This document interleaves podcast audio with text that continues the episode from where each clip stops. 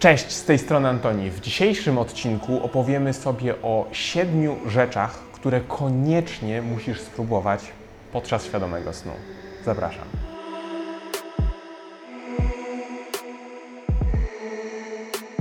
Wiele osób, które zaczyna przygodę ze świadomym śnieniem, ma problem z tym, żeby zacząć świadomie śnić. To dość e, oczywiste. I zanim staniemy się w czymś dobrym, musimy w tym być powiedzmy słabi. E, I rzeczą, która mocno blokuje osoby przed osiągnięciem tego stanu, jest to, że są w takiej pozycji, że chcą mieć świadomy sen, ale nie do końca wiedzą, po co ten świadomy sen chcą mieć. Czyli, ok, chcę mieć świadomy sen, chcę mieć świadomy sen. No dobra, ale jak będziesz mieć ten świadomy sen, to co tam zrobisz?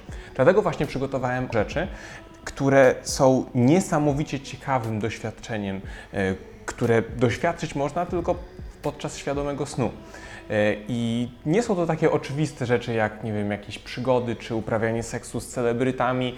Coś takiego, co jest po prostu ciekawszą rzeczą, której nie doświadczysz nigdzie indziej poza tym stanem. Więc jeżeli któraś z tych rzeczy się Tobie spodoba, to właśnie następnym razem, kiedy będziesz próbować wejść w stan świadomego snu, to miej intencję, że chcesz właśnie to robić. To może bardzo ułatwić Tobie wejście w ten stan i mocno tak zwrócić Twoje skupienie na bardzo konkretną czynność i dzięki temu może nawet udać się wejść w ten świadomy sen zupełnie świadomie, a nie obudzić się, że tak powiem, podczas takiego snu, ponieważ taki sen jest dużo bardziej intensywny. Także pierwszą z takich rzeczy jest zdecydowanie latanie. I żeby w świadomym śnie polecieć, jest jeden bardzo ważny warunek, który musimy spełnić. Otóż to jest to, że musimy uwierzyć, że możemy to zrobić. Nasz świadomy sen opiera się tak w największym stopniu na naszych oczekiwaniach odnośnie tego, co się tam stanie. Więc jeżeli spodziewamy się, że możemy coś zrobić, to będziemy mogli to zrobić, a jeżeli nie spodziewamy się, że to się stanie, to po prostu się nie wydarzy. A latanie jest naprawdę niesamowite, ponieważ tam odczucia są dokładnie takie, znaczy nie wiem, nie latałem w rzeczywistości um, gdzieś, w, czy, czy, nawet nie, nie, nie uprawiałem skydivingu, natomiast takie odczucia jak wiatr na Twojej skórze, e, ten, to uczucie, kiedy jesteś między chmurami, to wszystko jest niesamowicie realistyczne.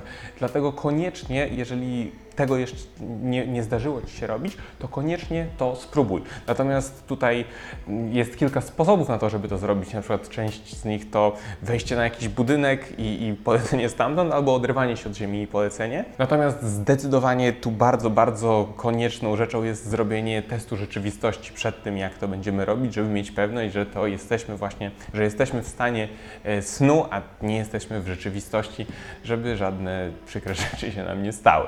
Kolejną rzeczą jest podróż w czasie i teleportacja. We śnie nie jesteśmy ograniczeni żadnego rodzaju barierami takimi jak właśnie czas czy też miejsce. Nie musimy gdzieś iść albo pojechać, możemy się tam po prostu przenieść. Tylko, że tutaj jest bardzo ważna rzecz, którą musimy pamiętać. To nie jest tak, że my przeniesiemy się na przykład do przyszłości i zobaczymy, jak za 100 lat będzie wyglądać miasto, w którym mieszkamy, albo jakie numery totka wypadną e, w następnym losowaniu za tydzień, tylko że to, co zobaczymy, to będzie tak jak z lataniem. To, jakie mamy oczekiwania względem tego miejsca, tak właśnie będzie. Czyli jeżeli oczekujemy, że za 100 lat będą latające auta, chociaż ciekawe, czy ktoś 100 lat temu tak nie myślał, a teraz okazuje się, że ktoś zjadł zupę z nietoperzem i cały świat stanął na głowie, to właśnie to, czego się spodziewasz, pojawi się w miejscu, do którego się przeniesiesz. I najprostszym sposobem, żeby to zrobić, to przejście przez drzwi. Dlatego, że jeżeli jesteś we śnie, to nawet jeżeli ten sen jest świadomy, to nie masz kontroli nad wszystkim, co się dzieje. Co mam tutaj na myśli? To znaczy, no jeżeli wyobrażasz sobie jakiś dom, no to nie wchodzisz w każdy szczegół, jaka jest struktura ścian, jaki kolor mają okna, po prostu wyobrażasz sobie dom i ten dom pojawia się już gotowy. Ty nie musisz projektować każdej rzeczy. To robi Twoja podświadomość za Ciebie. I dużo łatwiej y, jest właśnie wyobrazić sobie drzwi, tak jak w Matrixie się działo, że wyobrażasz sobie drzwi, przechodzisz przez nie, jesteś w nowym miejscu, niż projektować od zera po prostu całość miejsca, w którym jesteś. Dlatego jeżeli chcesz się przenieść w czasie, jeżeli chcesz się przeteleportować do innego miejsca we śnie, to właśnie wyobraź sobie drzwi, albo może już będą tam jakieś drzwi i po prostu wyobraź sobie, że za nimi będzie miejsce, do którego chcesz się przenieść. I wtedy po prostu przechodzisz przez nie i jesteś w tym nowym miejscu. Jest to bardzo fajne doświadczenie, e, natomiast trzeba mieć właśnie na uwadze, że to wszystko, co zobaczymy, to są oczekiwania, które względem tego miejsca mieć będziemy. Rzeczą, którą na pewno też warto zrobić, jest rozmowa z osobami bliskimi, z którymi już nie mamy kontaktu z różnych powodów. I też tutaj warto mieć na uwadze to, że kiedy taka osoba pojawi się w naszym śnie, e, kiedy się z nią tam spotkamy, to my nie będziemy rozmawiać z tą osobą, która była w naszym życiu, tylko będziemy na podstawie wszystkich doświadczeń, które z tą osobą mieliśmy, tworzyć pewien hologram, obraz tej osoby i jej odpowiedzi, jej przekonania, sposób w jaki będzie z nami rozmawiać, będzie na, ten, na tym właśnie oparty. Także jeżeli mieliśmy pozytywne doświadczenia z tą osobą, to prawdopodobnie ona będzie dla nas bardzo pozytywna. Jeżeli mieliśmy negatywne, one będą, ona będzie się zachowywać w negatywny sposób względem nas. Także to jest bardzo istotne, żebyśmy mieli to na uwadze, żebyśmy nie żeby nam się nie wydawało, że my rozmawiamy z kimś, kto, kto jest faktyczną e, osobą, która gdzieś rozmawia do nas za światów, tylko żebyśmy wiedzieli, że to jest nasza reprezentacja, którą mamy w podświadomym umyśle, którą stworzyliśmy na podstawie całej naszej relacji, którą mieliśmy z tą osobą. To, co jeszcze na pewno warto jest spróbować, to zadawanie różnych pytań.